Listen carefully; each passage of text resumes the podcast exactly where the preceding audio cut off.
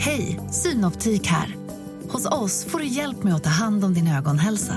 Med vår synundersökning kan vi upptäcka både synförändringar och tecken på vanliga ögonsjukdomar. Boka tid på synoptik.se.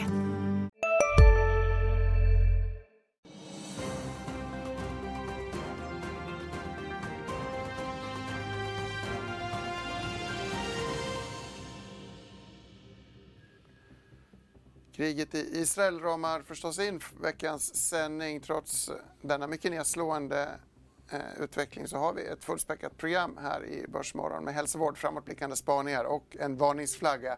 Det är måndag den 9 oktober. Du tittar som sagt på Börsmorgon.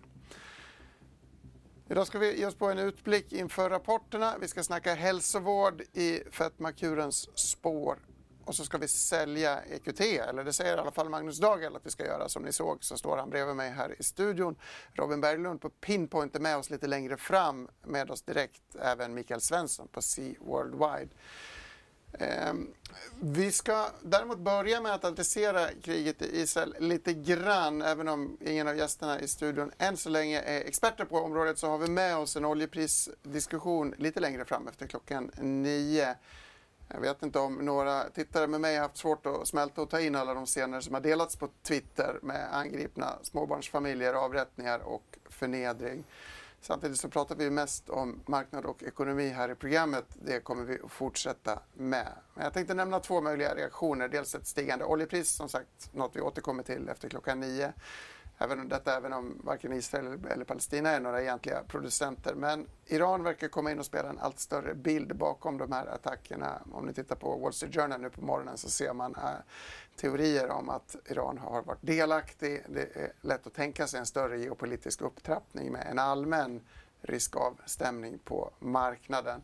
Christian Kopfer varnade för detta, att detta också kunde få större påverkan på oljepriserna i Dagens Industri i helgen om en större producent dras in. Eh, jag vet inte, har någon av er några tankar annat än att det här är, tråkigt? Mikael, du får den otacksamma uppgiften. Nej, men det, det, blir väl att det blir mer risk-off ett tag här igen tills man ser vart det här tar, tar vägen. Så att det är förmodligen negativt då för, eh, för tillväxtbolag och, och mer neutralt då för farmabolagen. Ja. Ja, längre... Folk flyr till safety igen. Och det, det, har vi sett på guldprisreaktioner och eh, lite terminsindikationer. Börsen var ju öppen igår i Tel Aviv och handlades ner kraftigt. Om man ska oroa sig för något så kan man ju notera eh, att det finns en ny våg av inflationsoro i, i den möjliga kortleken om oljepriset fortsätter stiga eller om vi får utbudsstörningar i, i, till följd av det här kriget. Det finns ju gott om våg, bilder på olika vågor som återkommer. Vi hade en sån i fredagens DI som jag tänkte visa er i samband med en intervju med Fredrik Leroux på franska Carmignac som varnade för att inflationsvågor brukade inte komma ensamma. Ni ser den nu pågående vågen till höger och 70-talet till vänster i tre omgångar. Mycket att oroa sig för, mycket att återkomma till. Men vi går vidare med dagens program. Vi har mer eh, normala programpunkter i, i leken. Vi kan kort nämna bara att, alla, att det är väldigt många stängda börser idag. Det är Columbus Day i USA, i Asien är börserna i Japan, Sydkorea och Taiwan stängda medan Kina öppnat efter en veckas ledighet. Eh, där Shanghai-börsen sjunker. Dollarn handlas lite starkare och börsterminerna i USA är med. Jag vill fortsätta nämna blandade nyheter. Sandvik har inlett förhandlingar som innebär att nästan var tionde anställd i finska Tammerfors ska få lämna bolaget enligt finska Kaupaletti. Och så har fackanslutna vid Volvoägda Mack Trucks avvisat en preliminär uppgörelse och kommer att gå till strejk idag vid lunch. Väldigt händelserikt. I hälsovårdssegmentet har vi också stora nyheter, eller hur? Ett jätteförvärv i USA. Ja, det är Bristol Myers som köper Mirati och det här är alltså inom onkologiområdet som är hett.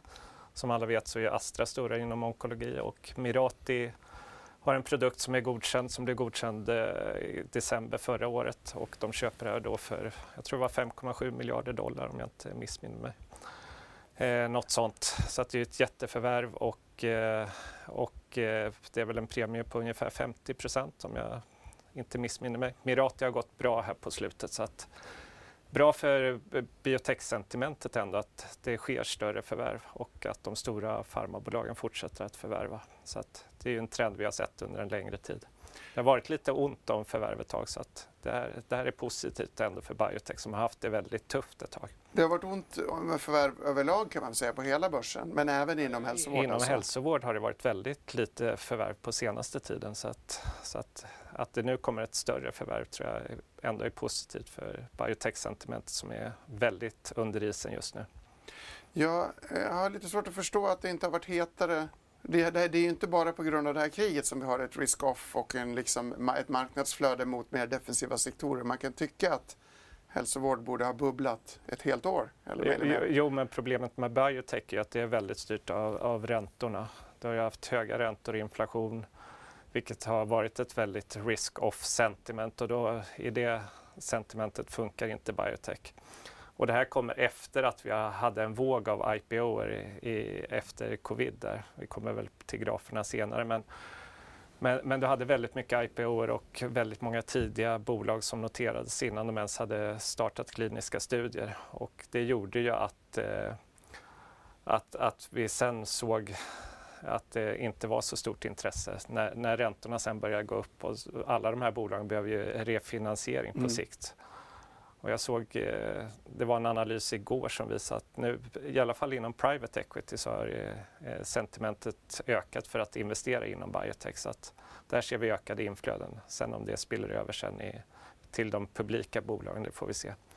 Så att det, det, det, är tufft för många mindre biotech som behöver resa pengar närmsta åren här. Så, att, eh, mm. så vi får se hur det går.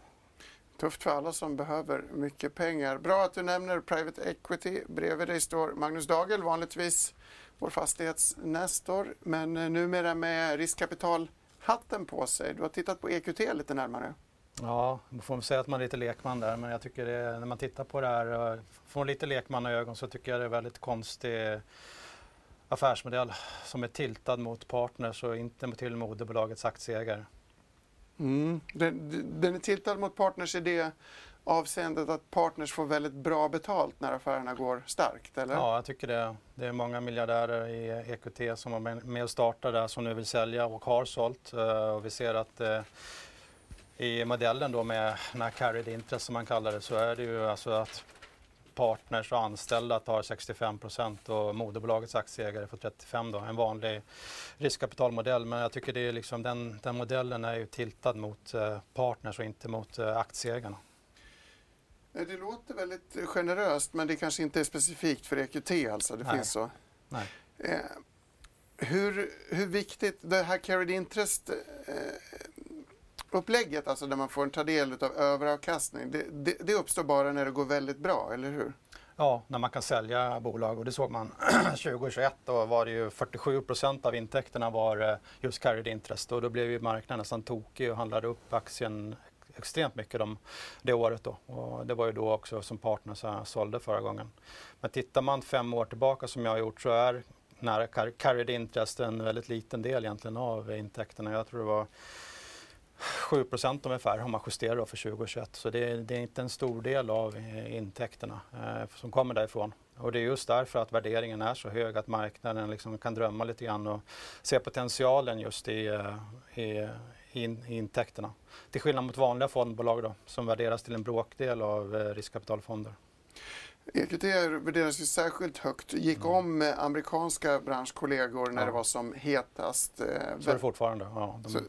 Större än, betydligt större branscher var det ska man säga. Ja, tittar man på förvaltarkapital är det dubbelt så högt de, de värderas om man till, jämför med ja, till exempel Blackstone, eh, KKR, Apollo så, så, så, ligger de där. Du jämför också med Swedbank, Robur. Ja, jag tyckte det var en uh, intressant. Uh, de förvaltar ju 2000 miljarder kronor ungefär. Världsvärdet för hela Swedbank är ju runt uh, 200 miljarder och då får man ju en liten bank på köpet också. en liten bank. Men är det inte extra... Det här var väl extra hett under 2021 också för att det var så tillväxt, vi hade en så tillväxtorienterad markad apropå det skifte mm. vi har sett. Det här är ju tillväxtbolag, man köper, belånar. Mm. Eh, har du funderat över ränteläget, att det är svårare att vara riskkapitalist i en miljö med högre räntor än, än med lägre? Det är en helt annan värld ska jag säga. Jag tror det är mycket svårare att sälja mycket svårare att köpa också, att komma till avslut. Vi ser att transaktionsaktiviteten globalt är på den lägsta nivån sedan 2013 i år. Och jag tror att det är mycket speglar ränteläget och det kommer fortsätta kommande åren. Att det kommer bli materiellt svårare att eh, både sälja och, och resa pengar även från eh, fonder som har ett annat alternativ då kanske placera räntebärande. Jag tycker mycket, det kommer bli mycket tuffare kommande åren tror jag. Att det, det har varit väldigt lätt eh, för riskkapitalbolag som EQT att växa.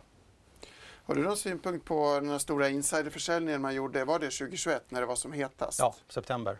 Och då bröt man ett, ett avtal, byggde en bok eh, som jag förstår det i förtid och sen kopplade man ut ett pressmeddelande och sålde väldigt mycket aktier. Ja, väldigt fult som de fick väldigt mycket kritik för men som eh, Finansinspektionen och Nasdaq inte hade någon erinran mot. Eh, men det var ju ett väldigt konstigt beslut och nu, eh, nu kan man sälja igen då eh, efter september.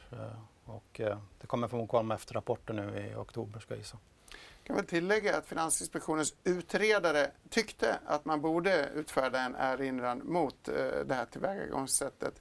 Det här om det hade gått vidare till ett insiderbrott till exempel så hade det varit det största i svensk börshistoria. så blev inte fallet. Ekobrottsmyndigheten la ner sin utredning. Finansinspektionens utredare ville gå vidare men Finansinspektionens ledning med nuvarande riksbankschefen Erik Thedéen i spetsen valde att fria hellre än att fälla. Kanske inte hade varit någon karriär boost med en stor komplex eh, rättegång. Men däremot så vet jag inte, måste säga så här, jag vet ju inte om det verkligen var ett regelbrott. Jag tycker bara att man bygger en stor bok mm. eh, i, på det här sättet är beklagligt. Ja, det var ju ett kontraktsbrott att man har lovat att inte sälja aktier och ändå så gjorde man det. Eh, och man skyllde på då att förbättra fria floaten och det låg ju någonting i för eh, EQT har ju haft en av de lägsta fria floaterna på hela börsen så att man ville öka upp den då. Eh, så där låg det någonting i då. Men sättet man gjorde på var ju inte speciellt snyggt. Däremot måste man säga till EQTs försvar att man får bryta lockup det är inte olagligt så att säga att, att man, får, man får presentera ett lockup-avtal och sen får man ändra det. det. det. verkar vara fullt lagligt även om det är, inte är legitimt. Jag är mer orolig för vad marknaden visste kring planerna. Man, mm. man har ju också en marfråga att du ska kommunicera sådana ändringar snabbt. Det väntade med mig flera veckor. Nu blev det väldigt filosofiskt här. Du, du, skriver i din analys som är mycket läsvärd att man också har en väldig justeringsvilja i det här bolaget. Att, att det är lite svårt att närma sig siffrorna. Väldigt uh, otransparent redovisning tycker jag som tittar på mycket andra bolag. Uh, inte just riskkapitalbolag men jag har hållit på med det här rätt länge och jag tycker det, det är svårt att förstå affärsmodellen och se hur de genererar vinster i EQT. Uh, eh, och jag tycker det är lite black box över faktiskt. Eh, och man ser de senaste åren har det varit väldigt stora justeringar. Då. Förra året, för helåret 2022 blev det till exempel 27% kvar av nettovinsten i förhållande till justerad vinst. Då. Väldigt intressant sälj EQT, alltså också på grund av överhänget med många insiderförsäljningar eh, och eh, den höga värderingen i bolaget, skriver Magnus Dagel i dagens tidning. Vi måste gå vidare, vi går tillbaka till hälsovårdssektorn. Nu får ni växeldra lite grann i programmet. Mm. Novo Nordisk har vi pratat mycket om, men inte tillräckligt. Eh, ett otroligt genomslag på, på fetma Eh, behandling. Vi har en aktiekurs här och vi har också en bild som visar hur Lilly Novo utvecklats sedan Novos Select Data presenterades i början av augusti som förstås följdes av ett stort aktielyft. Ja, nej, men det, det man ser är att eh, både Lilly och Novo har ju dragit väldigt fördel av den här Select-studien vad det gäller aktiepriserna. Däremot har det varit väldigt tufft för de andra bolagen som vi ser här och det är, det är fyra bolag inom medtech där man ser dra konsekvenserna av vad det här kan leda till och det är Dexcom Insulet, både inom diabetes och sen så har du Inspire och Resmed som är inom sömnapnéområdet. Och sö sömnapné är ju väldigt kopplat då till eh, fetma, det vet vi. Och berätta för mig som inte vet, sömnapné, vad, vad är det för något? Ja, att du har andningsuppehåll när du sover. Det. Och det är ju en väldigt hög risk då för kardiovaskulär sjukdom om man har sömnapné. Är det så att de riskerna blir mindre när man slutar vara över, gravt överviktig? Är det därför de här bolagen har tappat? Den, den korrelationen vet du. Går du ner i vikt så, så minskar dina sömnapné. Sen är mycket är väl lite tvistat om om du helt kan bli av med din sömnapné. Men eh, problemet är att många är så väldigt, väldigt överviktiga så även om de går ner en bit i vikt så kommer de ha kvar sin sömnapné. Och sen är det en underpenetrerad marknad hela sömnapné du ska ju ligga och sova med en eh, mask på nätterna vilket inte är jättepopulärt. Så att du har en compliance rate som är ganska låg på de här. Så att det finns ett enormt behov av, av, av att behandla sömnapné även, även efter att Novo har kommit med sina data. Så att, Ja, väldigt intressant ämne. Mm. Jag tänkte vi ska prata mer om det efter klockan nio. Jag läser en del ganska spektakulära antaganden i amerikansk press. Jag har twittrat ut två artiklar idag på morgonen. En, eh, en samling där Walmart pratar om att människor köper mindre mat. Nu handlar det väl om människor som har fått behandlingen och blivit mindre feta helt enkelt, som har minskat sin matkonsumtion. Ja, ja det, det, Walmart tittade på var ju, de, som, de som tog ut sina GLP-1-mediciner, alltså de här medicinerna mot fetma, att de kunderna minskade sina matinköp och det är ju ganska logiskt i och med att de här GLP-1 reducerar ju aptiten. Mm. Så att, men det var inte överlag att Walmart såg en minskad försäljning utan just i det här kundsegmentet som var på GLP-1 såg man en minskad matkonsumtion. Och det andra som var ännu mer spektakulärt, kanske lite väl draget, är att amerikanska flygbolag hoppas använda mindre bränsle eftersom passagerarna ska väga mindre. Ja, det var ju Jeffrey som drog den långtgående slutsatsen att det här kunde vara positivt för flygbranschen och för miljön då i slutändan. Vi behöver mindre flygbränsle. Kan, kan vi dra slutsatsen att det här fortfarande är en fantastisk två fantastiska bolag, revolutionerande eh, hälsovårdsutveckling men vi kanske drar lite väl lång, långa slutsatser trots det. Eh, ja, problemet är att du har 140 miljoner amerikaner som är, är feta eller har ett BMI över 30, då räknas man som fet. Sen har du 10% av dem, eller 10% av amerikanska befolkningen har ett BMI över 40 så att det är jätte, jättestora människor. Som, så det finns ju ett enormt behov av att behandla de här patienterna. Och i, de mest långtgående eh, analyserna när man sätter väldigt höga estimat för, för de här viktminskningspreparaten så ser man att kanske 10% av de överviktiga kommer få behandling. Mm. Så att eh, det, du kommer inte bli av med fettman i USA är ju är ju min slutsats av det hela. Jag ställer en fråga. Mm. Nova, men när man tittar på det här bolaget har ju liksom P talen svängt fram och tillbaka de senaste tio åren. Mm. När du tittar på det här, vad tycker du det ska värderas till? Ska det vara P40 eller P20 för att de är så stora eller vad, vad, vad tycker du är rimligt? Hur ska man värdera det här? Nej, nu kommer de ju ha en fantastisk tillväxt här de närmsta förmodligen tio åren. Så att vilket P tal man ska sätta på det är väldigt, väldigt svårt att veta. Men, Vad tycker du är rimligt? Men, men eh, ja, kanske ett P 30 nu. Mm. Och det är ju där den handlas ungefär. Så mm. att, och sen så växer de ju 20% per år närmsta åren. Mm. Och det man ska komma ihåg då är att Lilly i, i, i relation har ett P på 45. Så att det är väldigt, väldigt mycket dyrare. Mm. Är det så generellt att amerikanska hälsovårdsjättar är högre värderade än europeiska? Nej, men jag vet inte varför Lilja har fått en sån otrolig, otrolig värderingsdiskrepans mot Novo, vilket jag tycker är orimligt. Men sen så tycker jag även det är orimligt då att då AstraZeneca som kommer att ha fin tillväxt tack vare hela sin onkologiportfölj handlas på ett P runt 15-16. Vi måste tyvärr ta paus. Vi måste tacka Magnus Dagel som ska få gå vidare på tidningen och skriva artiklar. Eh, och så går vi till Studio 2. Men vi ska snacka mycket mer om Novo hälsovård här i studion om en liten stund. Ylva, jag beklagar att jag har dragit över tiden. Golvet är ditt.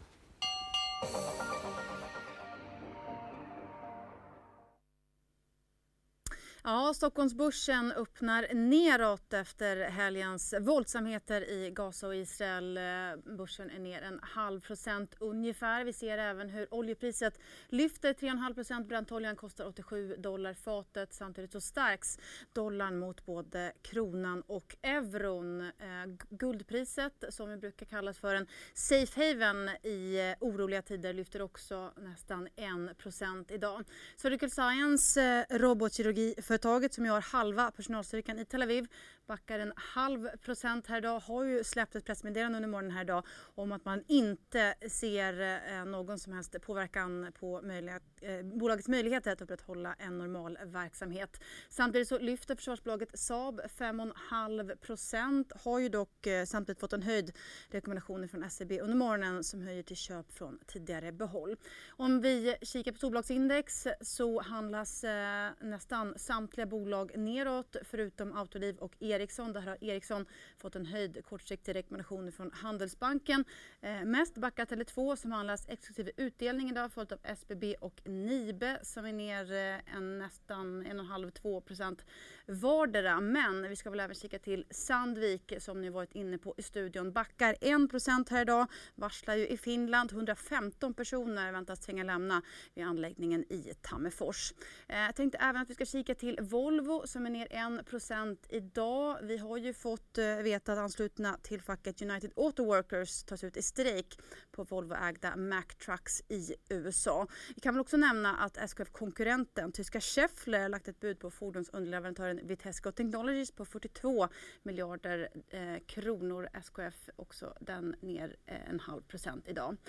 Eh, och så Millicom som ju har blivit uppsatt på kreditvärderingsinstitutet Moody's bevakningslista för sänkning av kreditbetyget. Eh, backar 1% idag. EQT som ni har varit inne på i studion som ger veckans aktie och får en rekommendation från Magnus Dagel som menar att aktien agerar på en tuffare marknad med en hög värdering. Backar nästan 3% idag. Det gör också Dustin som ju släpper sin rapport eh, på onsdag.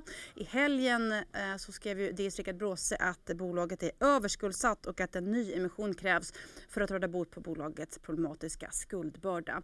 Eh, vi kan väl eh, sist, eh, men också minst, nämna Egetis som har ansökt om marknadsgodkännande för sitt läkemedel Emcitate till den europeiska läkemedelsmyndigheten EMA och som lyfter 2% Men som sagt, det är en öppning neråt på börsen som backar en halv procent. Hej, Ulf Kristersson här. På många sätt är det en mörk tid vi lever i. Men nu tar vi ett stort steg för att göra Sverige till en tryggare och säkrare plats. Sverige är nu medlem i Nato. En för alla, alla för en. Har du också valt att bli egen? Då är det viktigt att skaffa en bra företagsförsäkring. Hos oss är alla småföretag stora och inga frågor för små. Swedeas företagsförsäkring är anpassad för mindre företag och täcker även sånt som din hemförsäkring inte täcker. Gå in på swedea.se företag och jämför själv.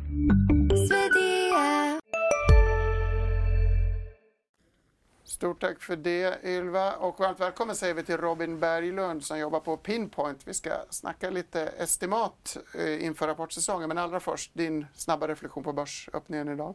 Ja, men stort tack för att jag kom hit. Nej, men ner en halv procent, det är ju förhållandevis lite med tanke på det som har hänt i helgen. Och om vi tittade liksom Q2-perioden så var det stora rörelser direkt när det kom negativa nyheter egentligen. Så det ska bli intressant att se det framledes här också, både enskilda bolag men framförallt börsen i sin helhet. Inom hälsovård, Surgical Science har vi skrivit om i helgen apropå att man har väldigt, väldigt mycket personal i Israel. Mm. Handlas ner ganska lite, det kan vi väl glädjas åt? Nej, det, det är positivt men något förvånande skulle jag säga. Eftersom man har så mycket ja, I och med att halv, halva ja. personalstyrkan tror jag sitter där nere. Är det ett bolag du gillar, rensat för den här väldigt olyckliga utvecklingen? Vi gillar hela det här robotkirurgiområdet och är investerade i ett bolag som heter Intuitive Surgical som, som gör själva roboten. Så de har över 6 000 robotar på marknaden. Det, det, det är i princip ett monopol i dagsläget. Medtronic har just lanserat sin robot i Europa här som heter Hugo som ska konkurrera då med Intuitive Surgical. Men de har ju byggt den här marknaden under 20 år och ett väldigt, väldigt försprång. Och jag tror när ett sjukhus väl har valt ett robotkirurgiområde så är det, eller robotkirurgiföretag så är det väldigt, väldigt svårt att ersätta med ett, ett nytt bolag som nu när Medtronic vill komma in. För du måste bygga väldigt, väldigt mycket kliniska data, indikation för indikation. Det är som att byta bank. Ja, det, det, det, är tuffare än vad man tror. Ja, ja intressant. Nej, men du lär dig upp det på ett system som kirurg och sen, sen så är du van att använda det och sen så kommer det någon helt ny och vill, vill erbjuda att du ska jobba på ett helt annat sätt. Och, och sen så bygger ju de, Intuitive Surgical bygger hela ekosystemet så att det är appstyrt och du kan tävla med andra kirurger runt om i världen och säga det här gör jag bra, det här är jag mindre bra på, det här behöver jag träna på. Och i bakgrunden finns ju Surgical Science som erbjuder de här simulationsutrustningar att träna upp kirurgerna på. Så det är ett väldigt spännande bolag och ett snabbväxande område så att eh, den växer ungefär 20% per år. Och, och eh, fortfarande låg penetrationsgrad. Det är ungefär 10% av alla operationer i USA som görs med robotkirurgi. Men det, det kommer öka. Om man ser de mest eh, positiva estimaten så tror man att att 50% av alla operationer på sikt skulle kunna göras med robotkirurgi.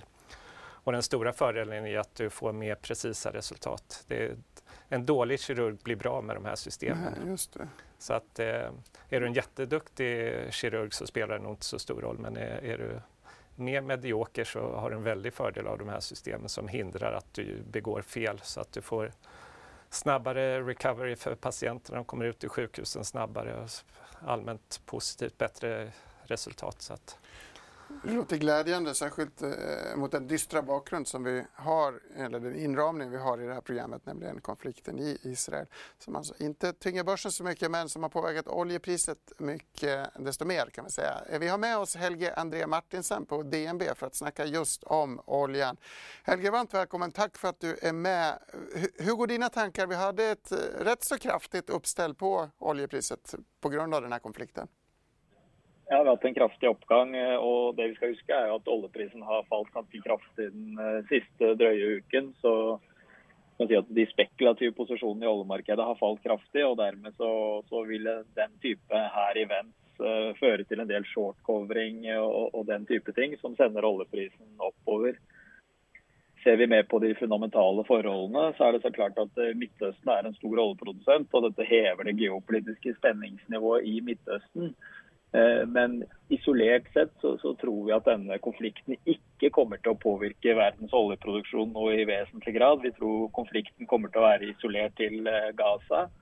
Eh, og, og, og vi tror i utgangspunktet da ikke på noen regional konflikt. Det eneste stedet hvor man kan potensielt miste oljeproduksjon, er fra Iran, og at amerikanerne håndhever sine sanksjoner mot Iran tøffere Eh, sånn at Irans oljeeksport kan falle noe i etterkant av konflikten. Det er den eneste eh, fundamentale endringen vi, vi, vi kan se eh, per nå.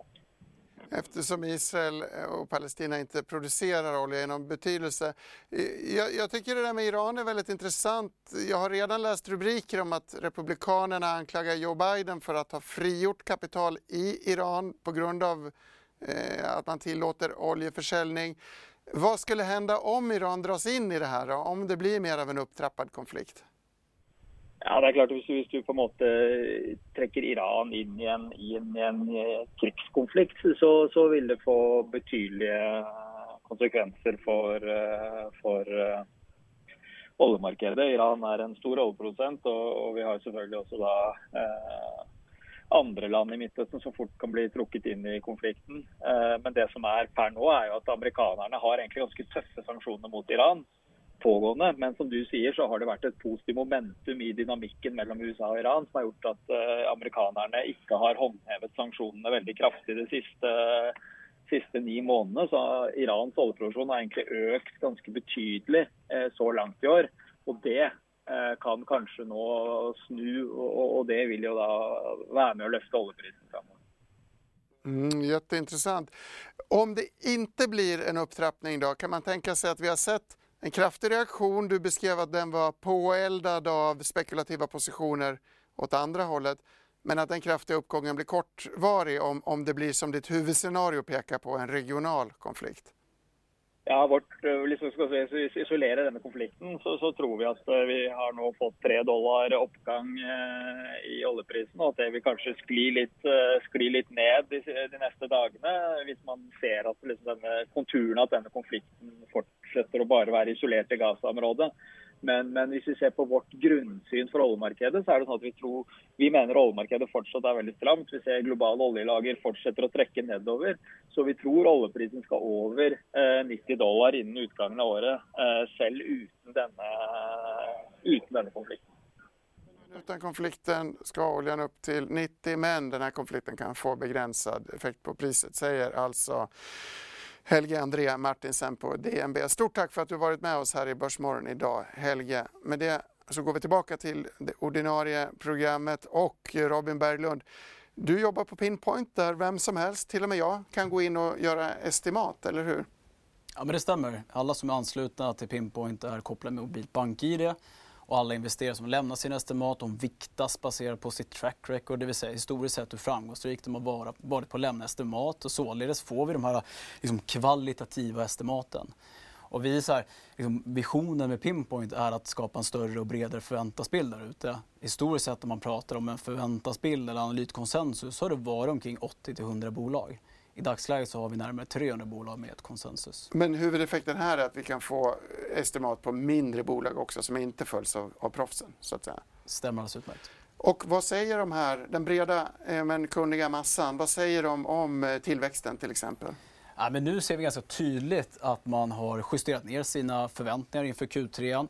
Om vi tittar från Q1 22 till Q1 23 så var faktiskt den, den faktiska omsättningstillväxten högre än, än den förväntade så att säga. Men vi såg ett trendbrott i Q2 23 och således drar vi slutsatsen att investerarna helt enkelt har justerat ner estimaten inför, inför nästa rapportperiod som kommer här. Och kan man dra samma, är bilden samma när det gäller resultat? Är man lika pessimistisk när det gäller? Faktiskt ännu större diskrepans. Om vi ser i den här grafen, om vi tittar Q223 så var det en diskrepans på närmare 6 och det är den största om vi tittar historiskt sett och det är också första gången den faktiska var lägre, eller förlåt, det var, var, var lägre än den förväntade. Precis. Så att här har vi dragit ner vinstförväntningarna ännu mer. Nu, nu, nu pratar vi Pinpoint-bolagen bara, eller väger ni in de stora analytikerföljda bolagen också när vi tittar på de här Nej, Vi väger in alla egentligen bolag, alla som har fått över åtta estimat på Pinpoint. Det blir då ett konsensus och den här datan bygger på omkring 170 bolag i dagsläget. Vi är ganska tidigt in i den här rapportperioden så att säga. Så det kommer bli, som jag sa, ungefär 300 bolag brukar det vara under rapportperioden. Men finns Sandvik på Pinpoint också till exempel? Absolut, den finns med också. Hälsovårdssektorn, hur, har du någon känsla för estimatförändringar? Man har inte samma anledning till konjunkturpessimism i, i den branschen du följer. Eh, nej, så det, det, det, är stabila, stabil tillväxt fortsatt framöver här. Så att, och då pratar jag om de stora farmabolagen. Mm ett lyxigt segment på, på så sätt. Men vi ska ändå, vi ska, innan vi återkommer till hälsovård så vill jag bläddra vidare bland pinpoint-graferna. Vi har en bild som visar på fallande resultat för small cap-bolagen i synnerhet. Är det dystrare bland small cap-utsikterna så att säga? Ja, men det skulle jag säga. Vi ser ganska samma beteende bland investerare på Pinpoint som marknaden. Om vi tittar liksom toppen 2021 så är småbolagen, småbolagsindex ner 35 Storbolagsindex är ner bara runt 10% Så det är ju en stor skillnad där. I. Eh, och här förväntar sig helt enkelt till och med investerarna att det kommer vara negativ tillväxt eh, avseende, eh, avseende tillväxten, i synnerhet på resultatet då, som vi ser här. Omsättningen ser ändå lite bättre ut så där tror man ändå att bolagen kommer kunna upprätthålla eh, lite starkare försäljningssiffror i alla fall.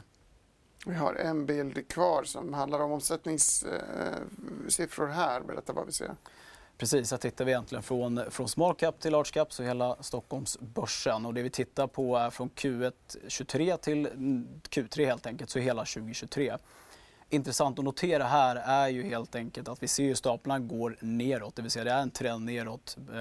Eh, De svarta siffrorna är alltså den, den eh, utfallet från Q1 och Q2 den gröna är alltså den förväntade. Vi ser att den har kommit ner ganska kraftigt i synnerhet om vi tittar på, på mid och large cap. Lite mera pinpoint alldeles strax, men jag vill återvända till hälsovårdsdelen också. Vi har ju flera ben i det här programmet. Vi pratar ju om en stor affär när Bristol Myers Squibb ska köpa Mirati i USA. Eh, vi har en IPO-bild ifrån det också, apropå företagsaffärer och verksamhet överlag. Det ser lite lugnt ut i staplarna till höger. Eh, minst sagt, och, det, och, man ser ju här att vi hade en enorm mängd IPO då under 2020 och 2021 i spåren av covid-pandemin. Och eh, det, det, som jag sa innan, att man satte tidigare och tidigare bolag. Det här är ju eh, IPO framförallt i USA. Mm. Och det man såg var ju att man satte väldigt tidiga bolag på börsen innan de ens hade kliniska data. Utan det, var... det tyckte jag vi såg i Sverige också i och för sig. Ja, ja Sverige är inget undantag ja. där. Och, eh, och sen så, det är minst tio år innan de här bolagen kan ha en produkt på marknaden och då ska du finansiera de här under alla dessa år. Och ett tag var det ju så att vad du än köpte så gick det upp inom IPOer. Så mm. att alla hakade på de här och så gick de ofta upp 50-100% första dagen och sen dess har de ju fullständigt kollapsat många av de här bolagen. I och med att det fanns ingen substans bakom, bakom de här.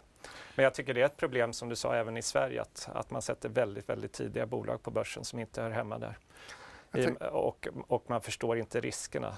Eh, det är 90 procent av alla som går in i klinik som sen floppar på vägen fram. Så att innan vi har sett minsta resultat i människor är det svårt att göra en begåvad bedömning av dessa bolag. Framförallt så tänker jag att man inte förstår hur mycket kapital de här bolagen suger och hur många nya emissioner som måste till innan mm. man, mm. även om det går bra så att säga. Nej, absolut. Och sen så ofta luras ju småsparare in i de här förhoppningsbolagen med helsidesannonser i bland annat Svenska Dagbladet att nu ska vi börja våra kliniska mm. studier och så behöver vi ta in 50 eller 100 miljoner. Eh, och så får du in de här småspararna som inte vet vad de har investerat i och förstår hur höga risker det är i de här bolagen. Så att det är väldigt få bolag som lyckas ta fram produkter hela vägen till marknaden.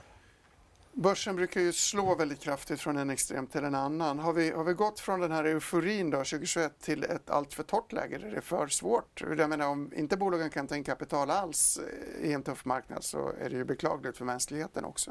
Jo, det, absolut. Det blir ett problem om du inte kan eh, resa pengar, i, i alla fall i de bra projekten. Men jag tror att har du ett bra projekt och det har visat kliniska studier, då finns det alltid pengar att tillgå.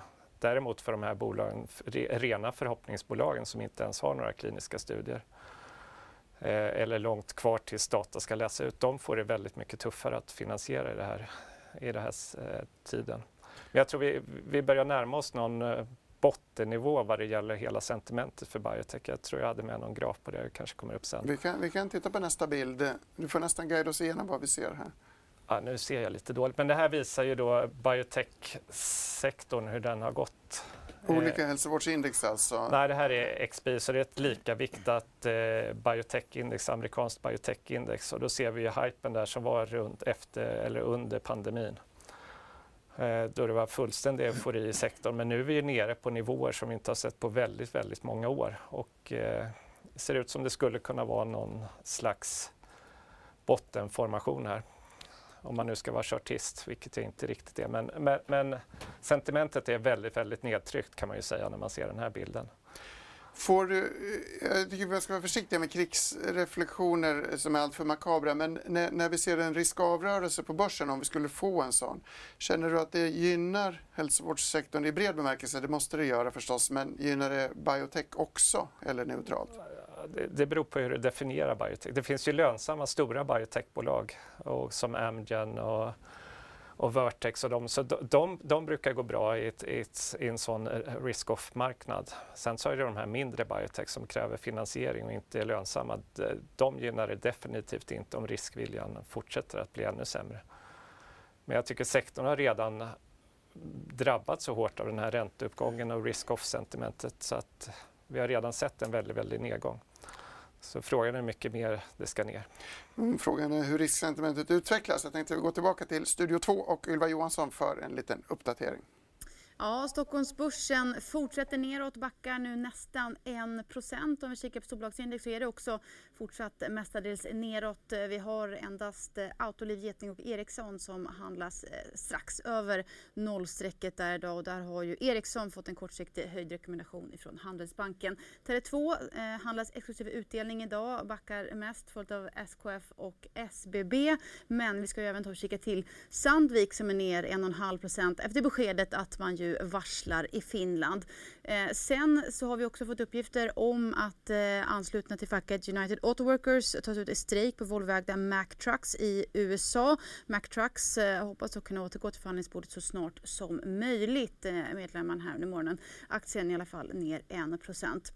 Millicom, det är ett bolag som är noterat både i USA och här på Stockholmsbörsen, backar en halv procent idag efter beskedet som ju kom sent i fredags att man är uppsatta på kreditvärderingsinstitutet Moody's bevakningslista för säkring av kreditbetyget.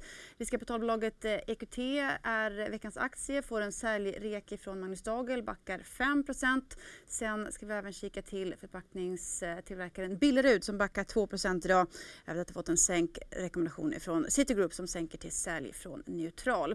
Eh, oljeprisuppgången har mattats eh, av något eh, efter helgens eh, våldsamheter i Israel och Gaza men stiger dock fortsatt drygt 3% Brentoljan kostar eh, 87 dollar fatet. Noterar också att flera oljebolag lyfter på Stockholmsbörsen idag. IPC stiger 5% Africa Oil upp 3,5 eh, Guldpriset lyfter också 1 eh, brukar ju säga att eh, guldet är en trygg hamn eh, vid geopolitisk oro.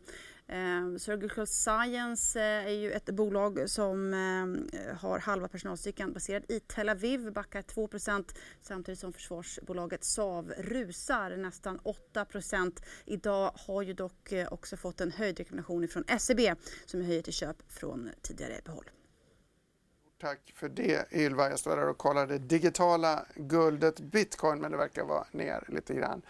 Ehm, intressant, flera intressanta punkter här. Vi pratade ju om EQT var noterbart hur mycket den gick ner men jag kommer att tänka på den intressanta punkt, poängen du hade tidigare Micke om att man sätter bolag för tidigt på börsen. Har riskkapitalet ett ansvar? Borde riskkapitalet sitta längre på väldigt unga hälsovårdsbolag? Det tycker jag absolut. Att, att riskkapitalet borde ju sitta på de här tills vi i alla fall har sett någon typ av data att de här Eh, har en chans att komma till marknaden slutgiltigt. För att det är väldigt, väldigt långa ledtider som du vet. Det tar många, många år att göra kliniska studier och kräver väldigt, väldigt mycket kapital. Och att då sätta de här på börsen långt innan de är börsmogna tycker jag är väldigt, väldigt dåligt faktiskt.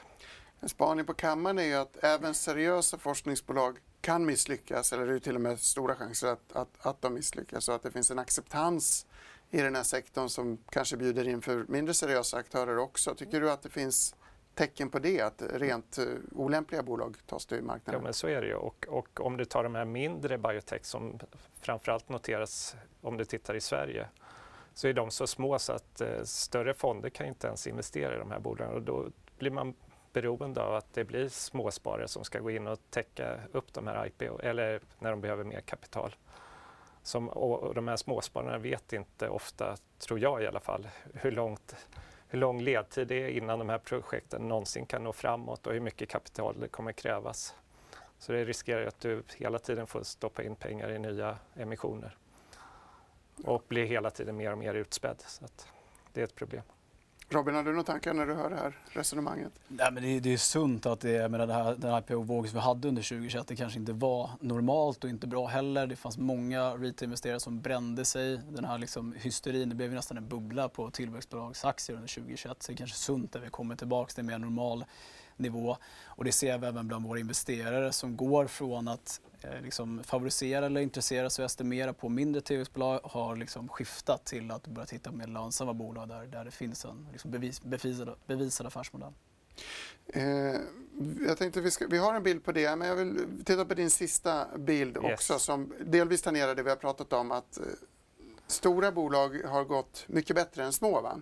Ja, så att, eh, dels har du det breda MSCI World Healthcare Index, är det som har gått upp eh, 80% på fem år, men är positivt även på ett år och tre års sikt. Här. Alltså den vänstra Så blått, blått är ett år, orange tre år och grått är fem års performance. Och sen så kan du jämföra då mot S&P Biotech som är det här breda biotech-index som är ner under alla tre tidsperioder här. Och även Russell 2000 Healthcare, det är ju mindre hälsovårdsbolag inom alla sektorer, det är också ner. Så det visar att vi har haft en risk-off sentiment. Sen ser du att eh, Nasdaq Biotech är ett större biotechbolag, det har gått lite bättre. Men det som framförallt har drivit det här är ju då farmabolagen. Du ser att MSI World, eller Pharmaceutical Index där, eller NICE, Amex mm. Pharma Index, det är upp 100% på fem år. Så och det har outperformat S&P 500. Det är de stora läkemedelsbolagen. Som är som konglomeratägarbolag nästan som ett Astra? Ja, exakt. Ja. Och det här är ju drivet då av ett fåtal bolag. Så det är bland annat Lilly som har gått fantastiskt, fantastiskt bra här. Och det vi inte hade med på den här var ju medtech-sektorn som har blivit väldigt mycket under isen som vi sa här mm. efter Select Data. Och det är ju som vi sa, implikationer vad det kommer att ha för diabetes, eh, vad det kommer att ha för implikationer för eh, sömnapné. Och sen så har man haft en oro för Kina. Det har ju en så antikorruptionskampanj som pågår just nu i Kina som ska gå under ett år. Vilket kommer rensa ut, tror jag, framförallt oseriösa lokala spelare som inte följer följer spelreglerna riktigt utan är villiga att muta läkare för att köpa in deras produkter. Så att det kan på sikt tror jag gynna då de st stora globala medtechbolagen. Men sen har det ju på andra sidan har ju den här spänningen mellan väst och Kina. Mm. Eh, men jag träffade nyligen Medtronics eh, VD och han, han har ju relationer högt upp i regeringen och han sa att Pharma och medtech är ett område där man är beredd att då göra undantag mellan eh, USA och Kina vad det gäller och fortsätta ha hyfsade relationer. Det kommer in ännu mer geopolitiska spänningar i, i, i programmet men det låter ju hoppingivande om man slipper det i det här ja, området i alla fall. Absolut, men en slutsats också är att kineserna vill att det ska vara lokalproducerat så många av de här stora medtechbolagen sätter upp fabriker i Kina. Så, så länge du producerar i Kina för den kinesiska marknaden ser de dig som en spelare som de vill ha att göra med. Däremot om du ska importera från, från väst dit så blir det större problem. Man ska vara försiktig med vad man önskar sig men äh, äh, en takeaway från den här diskussionen är att en sämre marknad är bra för vi blir av med lite excesser och onödiga börsnoteringar som aldrig borde ha skett på något sätt. Finns det en uppställningseffekt som vi kanske ska vara lite glada åt? Absolut, det är väl jättebra om det blir de seriösa bolagen som blir kvar på marknaden och de som är, är lite för tidiga för börsen kanske får ett annat öde. Det leder oss tillbaka till ditt resonemang Robin och din bild. Du, du nämnde ju att investerarna numera fokuserade på lite större, lite mer lönsamma bolag. Vi har en bild som illustrerar det också. Du kan väl berätta vad vi ser här? Ja, men precis. Som vi ser Q4 2021 så började investerarna eh, investera helt enkelt i, i, eh, i mer tillväxtorienterade bolag. Så det laggar ju lite. Så vi ser att eh, under liksom Q2 22, Q3 23 så, eh, så, så, var det ganska få liksom, lönsamma bolag man, man estimerade på. Men nu är vi uppe på hela 90% av de 30 mest populära bolagen på Pinpoint. Alltså de bolag som har fått flest estimat bland retail-investerarna det är ganska entydigt att det på, liksom påpekar att, att eh, det är lönsamma bolag man favoriserar helt enkelt. Vilka är de allra mest populära bolagen då? Eh, det skiftar lite från rapportperiod till rapportperiod men eh, ett bolag som alltid egentligen är med i Evolution som vi noterar i mitten av den här grafen på 66 estimat i skrivande stund. Eh, Newway var det bolag som fick flest estimat förra rapportperioden på 280 estimat.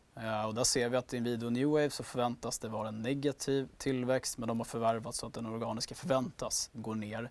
Eh, AQ, AQVBG är ju inom eh, EMS och kontraktstillverkning så det är bolag som har gått väldigt bra. Och det brukar ofta vara liksom en korrelation mellan performar bolag ganska bra så brukar investerarna eh, tendera att, att hitta till dem så att säga. Mm. Hörni, dags för oss att eh, runda av men jag förstår att bra bolag lockar till sig stort intresse förstås. Jag vill eh, läsa veckoagendan lite kort innan vi slutar. Birkenstock verkar komma till New York-börsen på onsdag och en värdering på 10 miljarder dollar. På torsdag kommer Delta och Pepsi bland annat med rapporter. På fredag smäller det rejält. Apropå rapportsäsongen, då kommer de amerikanska bankerna, vilket är förstadiet förstås för en full ut rapportsäsong. Och så får vi ekonomipristagaren som tillkännages idag omkring lunchtid kommer vi förstås att prata om i Börskoll klockan 14. Jag hoppas att ni hänger med oss. Stort tack ni som tittat. Stort tack till Robin Berglund på Pinpoint, Mikael Svensson på Sea Worldwide och Magnus Dagel på Dagens Industri som var med oss lite tidigare idag. Gabriel Mellqvist heter jag. Vi ses igen snart. Ha det gott! Snyggt!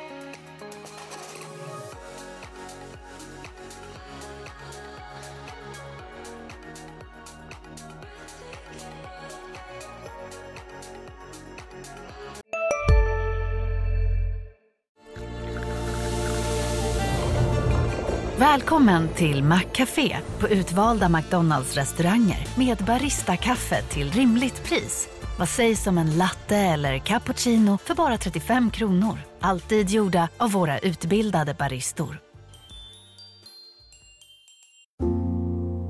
Ska några små tassar flytta in hos dig? Hos Trygg Hansa får din valp eller kattunge 25% rabatt på försäkringen första året.